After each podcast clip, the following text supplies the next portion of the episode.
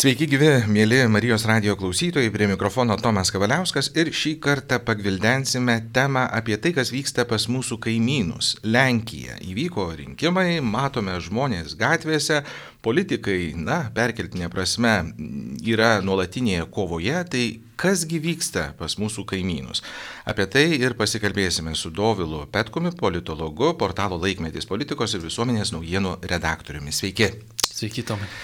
Tai matom vaizdus, skaitom portalus ir, na, kartais atrodo logiška, kas vyksta, kita vertus galvoj netelpa. Na, įvyko demokratiniai rinkimai, atrodo turėtų būti natūralus valdžių pasikeitimas, bet ką matom, nuo pat pradžių vyksta intensyvi politikų kova. Tai kasgi ten vyksta? Tai viena vertus, kaip jūs ir minėjot, yra, yra turbūt įprasta kad vyksta politinė kova, dar turbūt nenurimo tos rinkimų dulkės ar ne, nenusėdusios yra pilnai. Tačiau iš tikrųjų tai, ką mes e, matom Lenkijoje, kad vyksta labai na, toks aštrus valdžios perdavimas, toks, kurio e, tokio aštraus turbūt neatsimena nei, nei Lenkijos visuomenė, nei na, žiniasklaidos apžvalgininkai. Čia galima įvardinti ir, ir mes turbūt aptarsim tiek, tiek nuo įvairių postų perdavimo e, valstybinės televizijos pasikeitimų.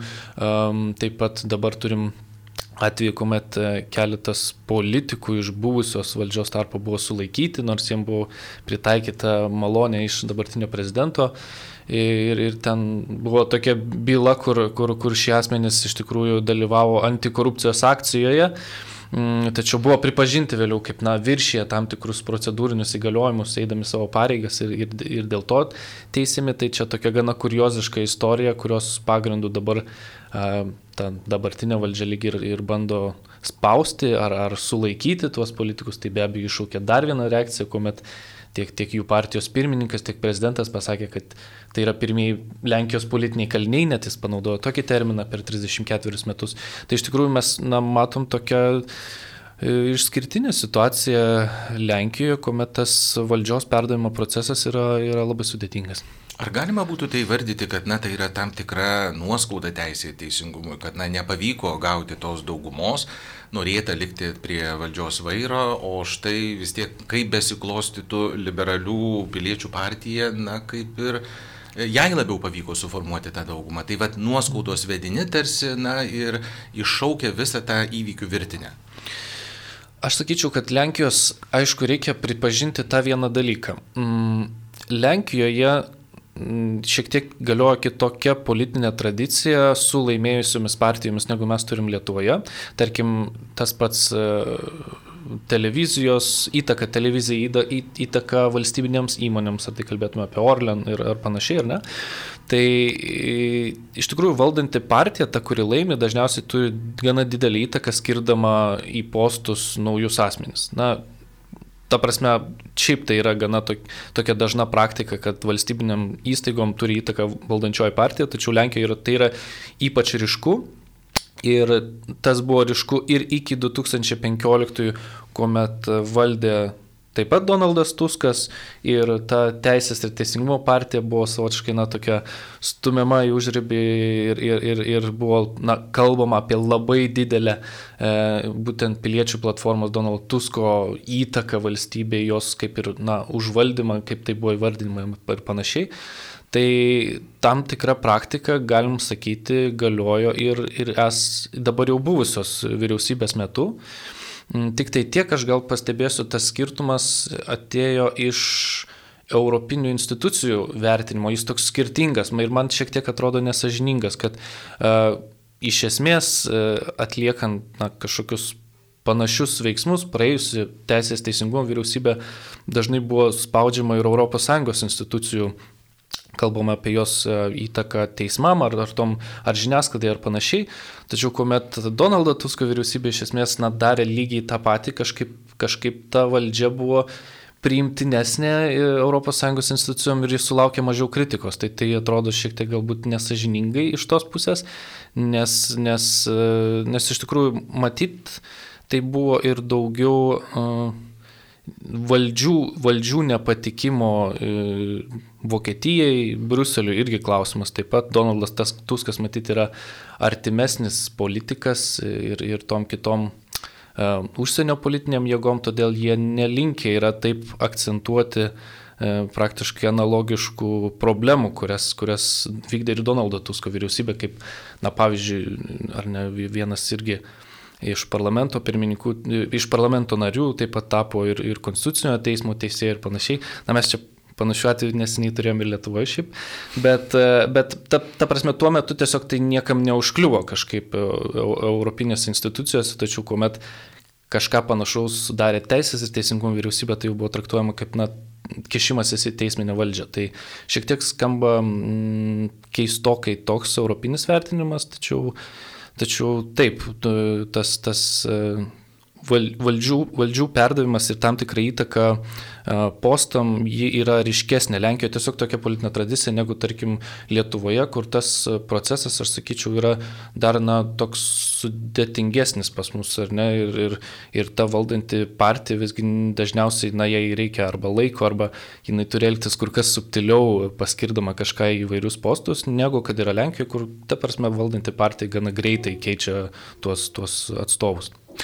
Na, gal grįžkim prie pačios pačios pradžios, kai, na, iš tikrųjų prezidentas Duda turėjo pavesti suformuoti vyriausybę ir, na, akivaizdu buvo, kad e, iš tikrųjų Moravieckijui e, ateiti į dar vieną kadenciją nelabai pavyks, bet Duda žengė tą žingsnį, nepavyko ir visgi atėjo Tuskas į valdžią.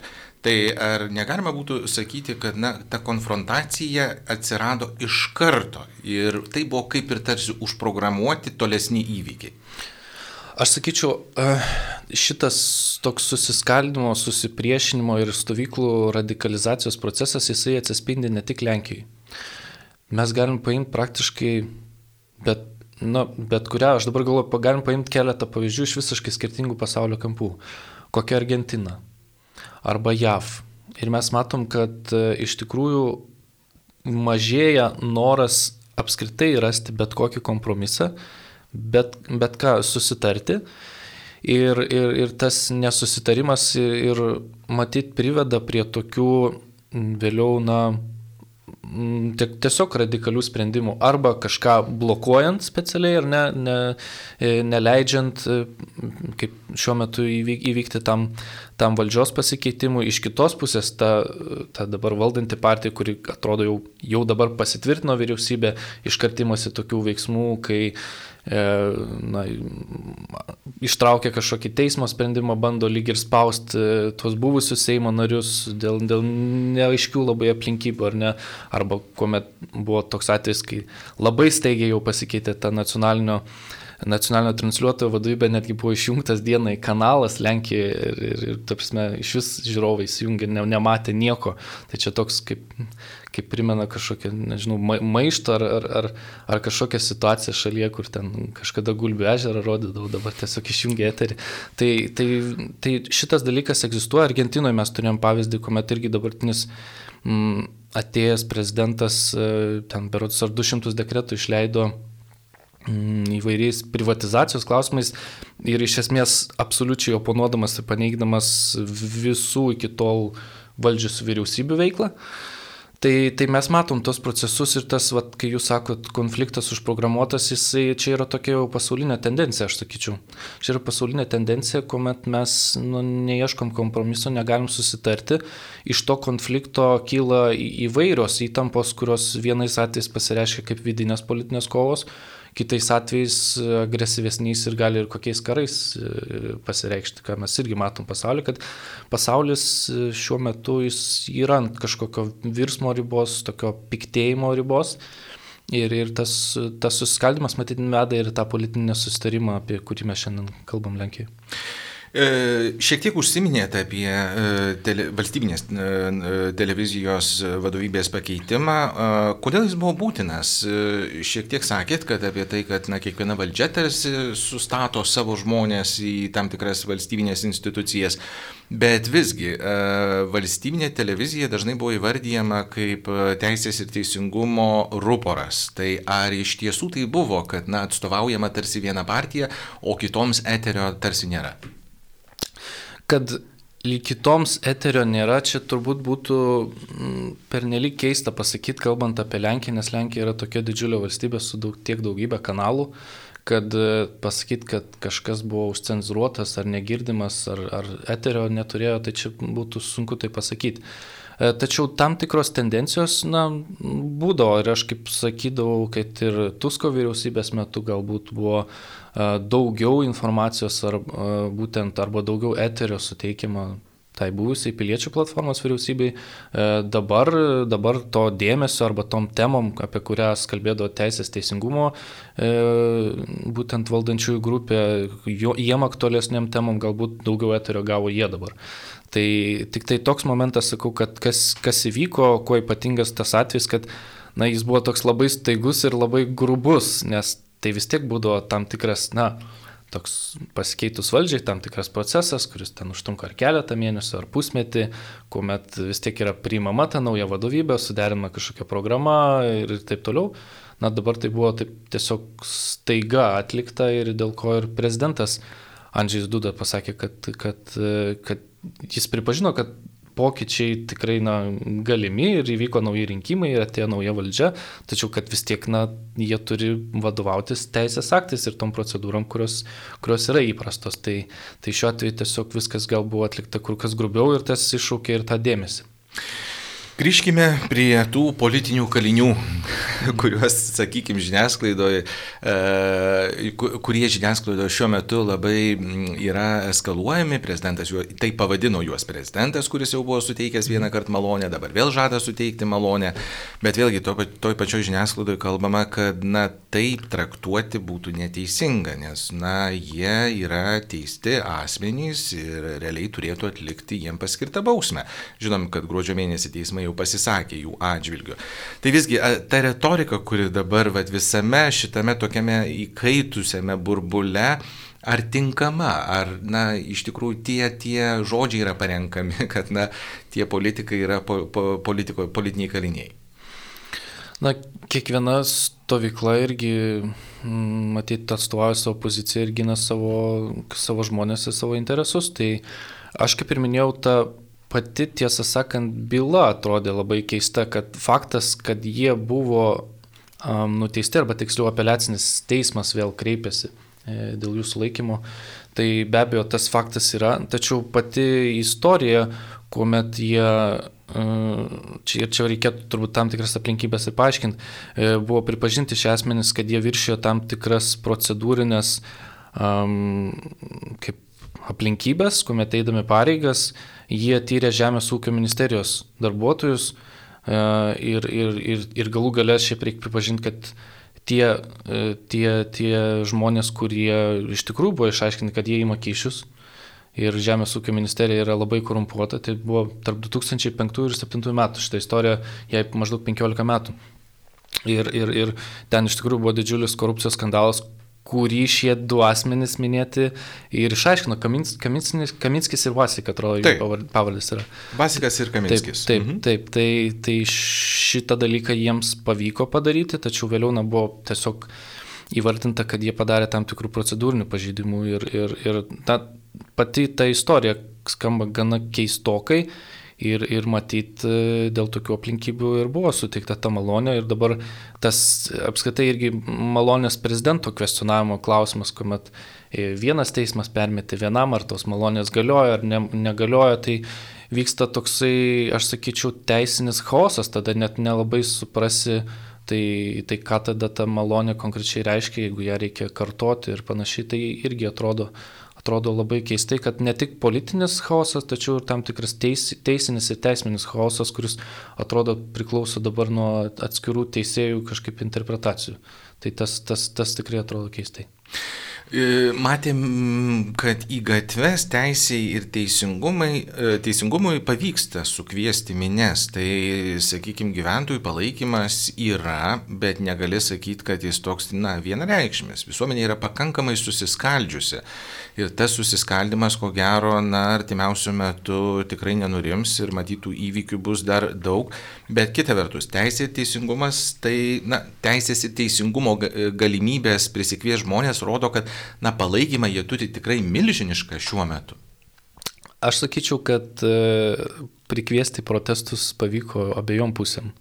Ir gana nemažai mes matėm, kad tų protestų buvo ir, ir, ir dabar buvusios vyriausybės metu, dabar, dabar jų taip pat yra, tai Lenkija šiaip yra gana aktyviai politiniam gyvenimui dalyvaujanti tauta, tai kuri, kuri išreiškia savo nuomonę, susirenka, eina į mitingus, protestus taip toliau. Pas mus tai yra šiek tiek neįprasta.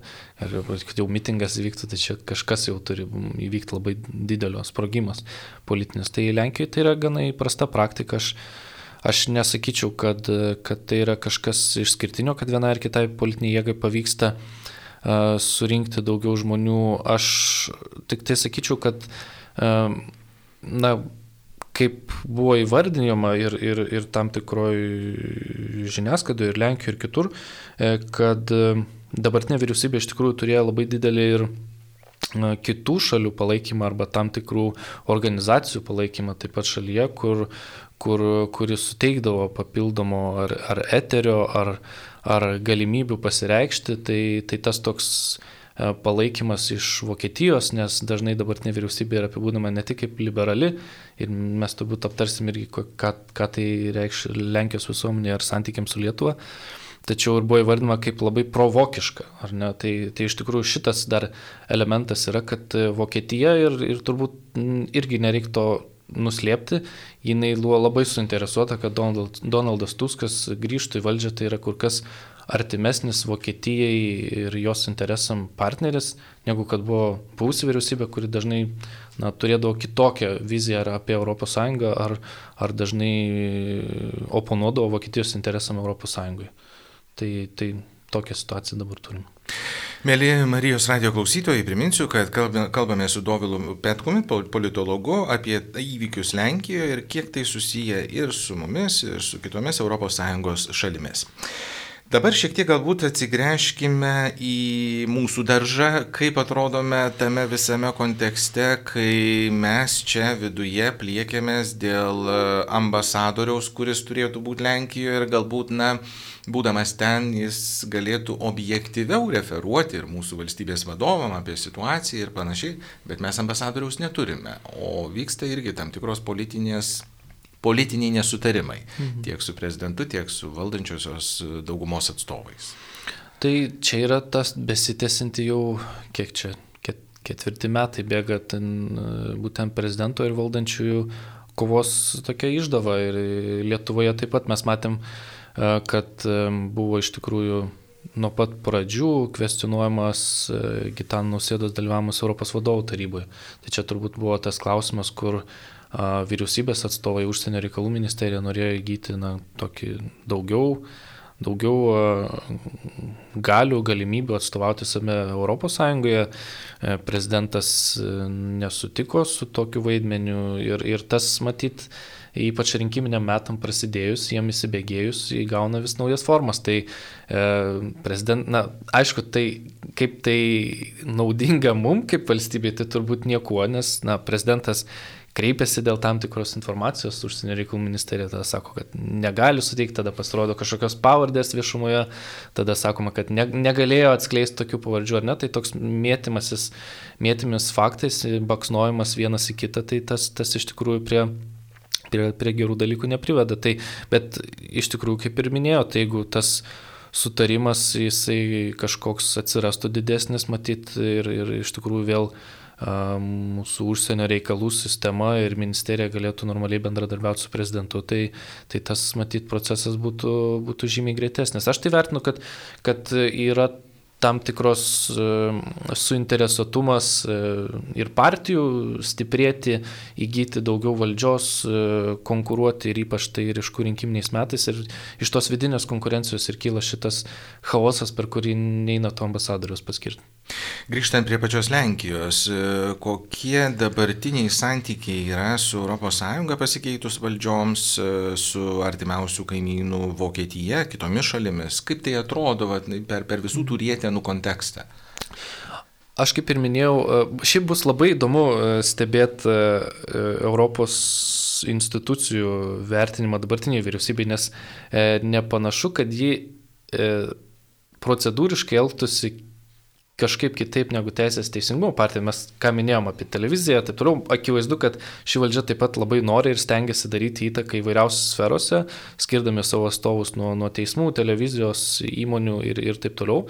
Ir bus na, labai įdomu pažiūrėti, ar ES analogiškai įvertins šit ir kažkaip kritiškai pasisakys, ar, ar čia buvo tik tai tam tikrų nepritarimas tam tikrom vyriausybėm, o ne tam tikrai politikai. Ir iš tikrųjų, kuomet minėjote apie santykius su Vokietija, tai be abejo čia yra be galo svarbus Lenkijos e, užsienio politikos dėmuo.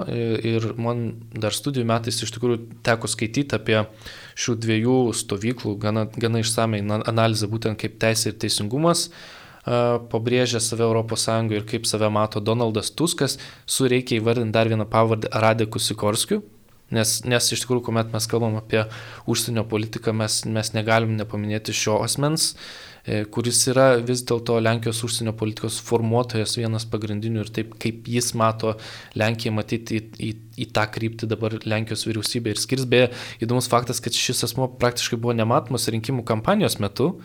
Tačiau staiga sugrįžo, būtent jau kuomet buvo skelbiama apie postus ir, ir, ir, ir dalybas užsienio reikalų ministerijoje, vyriausybėje, tai šis asmo vėl atsirado.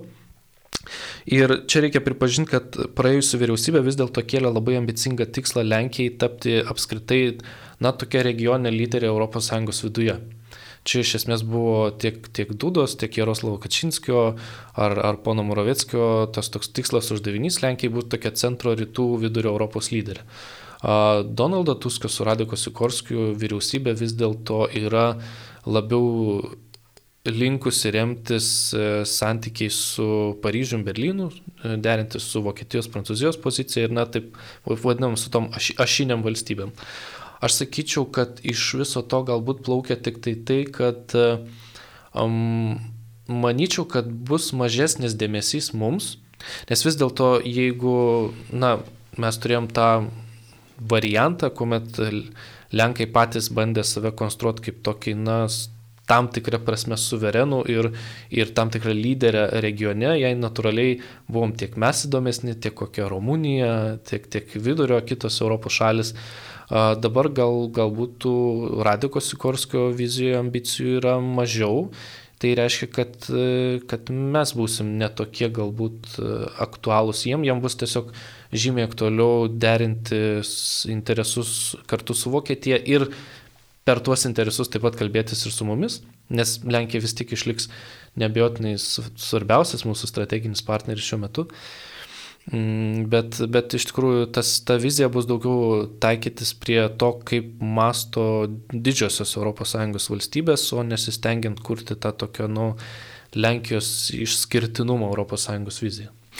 Kalbant apie karą Ukrainoje, kiek visi šitie įvykiai, na, vidaus politika vadinkim, gali paveikti tiek e, paramos klausimą Ukrainai, tiek apskritai nusiteikimą karo atžvilgių. Galų gale ir kalbant apie mus, kiek Lenkijai būtume e, svarbus stojant į priešakinės linijas, jeigu taip nutiktų. Apie priešakinės linijas iš tikrųjų e, ne man net nenorėtųsi suabejoti, nes e, mes, na, kalbam dažnai ir, ir žinom, jungtinėse valstijose dabar didelis susiskaldimas Donaldo Trumpo stovykla bent jau irgi vardina, kad jie norėtų mažesnio galbūt kažkokio dalyvavimo NATO veikloje. Ir mes, mes dažnai kalbam, ar, ar ta vakarų Europos šalis, kurios e, pažada mus ginti, ar jos tikrai dalyvautų. Tai iš tikrųjų, jeigu jau abejotumėm Lenkijos paramą, tai aš, aš turbūt jau čia reikėtų apskritai viso, viso mūsų saugumo konceptu mm, suabejoti. Tai, tai tikrai nenorėtųsi apie tai galvoti, kad nuo valdžių pasikeitimo čia kažkas priklausytų dėl to. Čia ko gero reiktų atskirti labai aiškiai vidiniai dalykai jo. politiniai ir tai, kas yra įsipareigojimai, yra įsipareigojimai. Jo. O kalbant apie būtent Ukrainos-Lenkijos santykius, aš, aš tik tai noriu e, taip sugrįžti prie to mm, istorijos šiaip jau faktoriaus. Jis buvo labai ryškus, mes, mes Aš atsimenu, net kai studijavau Lenkijoje, mhm. buvo toks kursas 20-ojo amžiaus Lenkijos politinė istorija, tai ten vienas didžiausių gabaliukų buvo ukrainiečių nusikaltimai prieš Lenkus 43 metais Voliniai. E, tai, tai labai buvo skaudanti be galo tema Lenkam, skauda jinai iki šiol, tai tam tikri istoriniai motyvai jie labai stipriai veikdavo ir tarpusavio Ukrainos ir Lenkijos santykius daugybę metų. Tai šiek tiek pasikeitė po Maidano įvykių. Nuo 2014 pradėjo keistis, kad na, vis dėlto buvo suprasta, kad na, mes turim rasti kažkokį bendrą sutarimą, nes, nes e, mus čia gali priešiškos jėgos užspausti iš kitos pusės. E, Ypač tai be abejo ta, ta tokia pagalba ir, ir strateginė partnerystė ir visa kita buvo labai ryški, kuomet karas prasidėjo, tai apskaitai tuos visus bet kokius istorinius, istorinės atminties skyrius ten, ten bandyta, bandyta užkasti ir viskas buvo labai ramu, tačiau rinkiminiais metais tas, tas vėl savotiškai sugrįždavo. Ir sugrįžta tik tam tikri istoriniai, tik kažkokie ekonominiai interesai. Mes matėm, kad ir buvo uh, kilęs e, ūkininkų nepastenkinimas Lenkijoje, e, kuomet, kuomet na, lyg ir ukrainiečiam buvo Ukrainos produktam suteiktos išskirtinės sąlygos Lenkijos rinkoje, to buvo pasipiktinta. Ir be abejo, ir, ir oponentai turbūt tą situaciją išnaudodavo, ar ne. Tai, tai šitie dalykai m, mm, iš tikrųjų privedė prie to, kad tie, tie tokie karo kirviai tebe egzistuoja, kas nuo karto iškyla, nepaisant uh, kad atrodo, na, na pastaraisiais metais tikrai Lenkijos ir Ukrainos santykiai be abejo yra geresni ir geriausi negu bet kada buvo anksčiau. Mm, niekada jie nebuvo geresni turbūt negu, negu yra pastaraisiais metais. Tačiau tam, tam tikros situacijos jos vis, vis dėlto vis dar iššaukia mm, ir primena kažkokius, kažkokius tarpusavio nesutarimus. Ir, ir na, Lenkija bent, bent jau buvo įvardyjama kaip tokia jau patiriškiausia Ukrainos rėmėja. E, tačiau, tačiau irgi dėl, dėl būtent minėtos grūdų krizės ar ūkininkų krizės, ten buvo situacija, kuomet ir Ukrainos prezidentas lyg ir akcentavo, kad kad Vokietija jau yra svarbesnis partneris už Lenkiją, Lenkija dėl to be galo užsigavo tuometinė vyriausybė.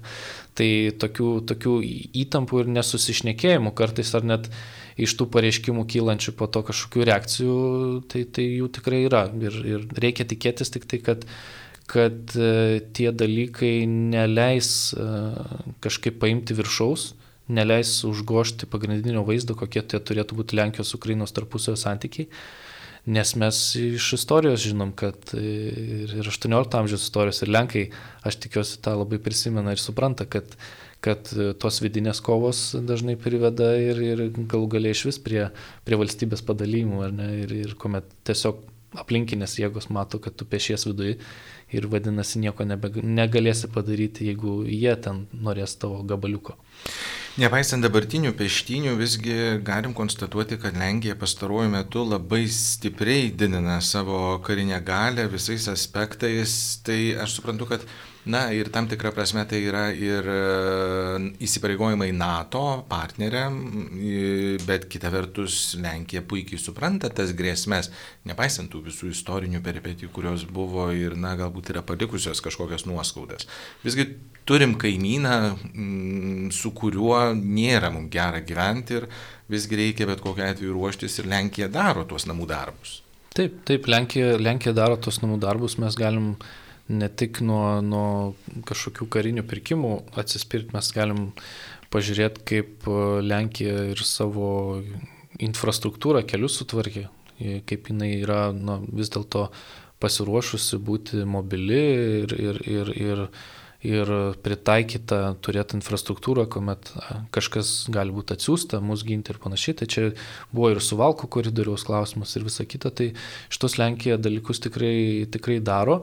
Bus iš tikrųjų įdomu stebėti, kaip dabartinė vyriausybė tai traktuos, e, nes bent jau ankstesnė vyriausybė iš tikrųjų jinai prisimė tą tokį išskirtinį, norėjo prisiminti tiesiog išskirtinį vaidmenį vidurio rytų Europoje, save tikrai suvokė kaip šios Europos pusės lyderė ir, ir, ir, ir tas, tas buvo visada ir labai aktualumum, nes Nes be abejo mūsų geopolitiniai padėti, tai, tai turėti tokį kaimyną yra labai svarbu, kuris būtų iš tikrųjų pasiruošęs ir įsipareigojęs šitą regioną apginti. Pakreipkime mūsų, mūsų pokalbį dar šiek tiek kitų kampų. Visgi e, kartu su Lenkais esame vieno tikėjimo, katalikai. Ir kiek visame šitame mm, valdžių pasikeitimo kontekste mm, dalyvauja bažnyčios atstovai, kiek jie, na, sakykime, reiškia savo poziciją, re, rodo savo kažkokį palaikymą, ar visgi kol kas laikosi labai nuošaliai. Na, čia turbūt nebus jokios paslėpties, kad Teisės ir Teisingumo praėjusios vyriausybės e, santykiai su tam tikrais bažnyčios hierarchais buvo e, pakankamai geri viešoje erdvėje, ta prasme, bažnyčia nevengė e, dažnai paremti iniciatyvų, kuriomis, kurias akcentavo buvusi Teisės ir Teisingumo vyriausybė, ar tai būtų abortų, ar, ar LGBT klausimai ir panašiai. Tai aš kol kas nemačiau šiaip, lab, tiesiog nemačiau labai ypatingai bažnyčios reakcijų į dabartinę pasikeitusią valdžią, liberalę, e, nemačiau kažkokių didelių prieštaravimų, e, tačiau, tačiau ankstesnės vyriausybės metu iš tikrųjų tom iniciatyvom, kuriuom paprastai, na, bažnyčios socialinis mokymas yra išreiškę savo poziciją, tai ten bažnyčia ir viskupai tuos dalykus palaikydavo, ypač tas buvo aktualu, e, kuomet buvo siaurinama abortų, abortų atlikimo galimybę, kuomet eugeninis abortas buvo taip pat pašalintas. Tai čia buvo tikrai labai aktyvi bažnyčios pozicija ir tas matėsi. Ir tas turbūt dabartinė, dabartinės vyriausybės, na, jie, jie net neslepia vis dėlto vienas koalicinių uždavinių, vis dėlto yra, yra vėl liberalizuoti ar pakeisti e, tiek abortų įstatymą, tiek na, bandyti inicijuoti e, partnerystės, vienalytės partnerystės klausimus Lenkijoje. Ir tas turbūt, e, aš spėju, kad e, kuomet jau bus svarstomi tie sprendimai, turbūt išauks ir, ir, ir bažnyčios pozicija tuo metu. Turbūt mes, mes turėsime dar bažnyčios poziciją, nes dabartinė vyriausybė atrodo labai, labai užsidegusi tam tikrus, e, tam tikrus būtent LGBT ir abortų klausimus akcentuoti. Tai, tai be abejo, čia bus tiek Teisės ir Teisingumo partijos kaip opozicijos, tiek uh, Andžiaus e, Dūdos prezidento turbūt mes turėsim pozicijas gana ryškės. Čia reikia dar pasakyti, kad e, e, Lenkijos politinė sistema yra šiek tiek kitokia negu Lietuvoje. Ta prasme, jeigu prezidentas vetuoja kažkurį iš įstatymų, tam reikia 60 procentų parlamento, kad tu atmestum veto. Pas mus yra 70 plus 1, ar ne, jeigu, na, tokia paprastoji ta dauguma gali atmesti prezidento veto, Lenkijoje šiek tiek kitaip, tai prezidento veto yra stipresnis, paprastai tariant. O, o valdanti koalicija šiuo metu, na, turi tokią nežymę daugumą iš tų...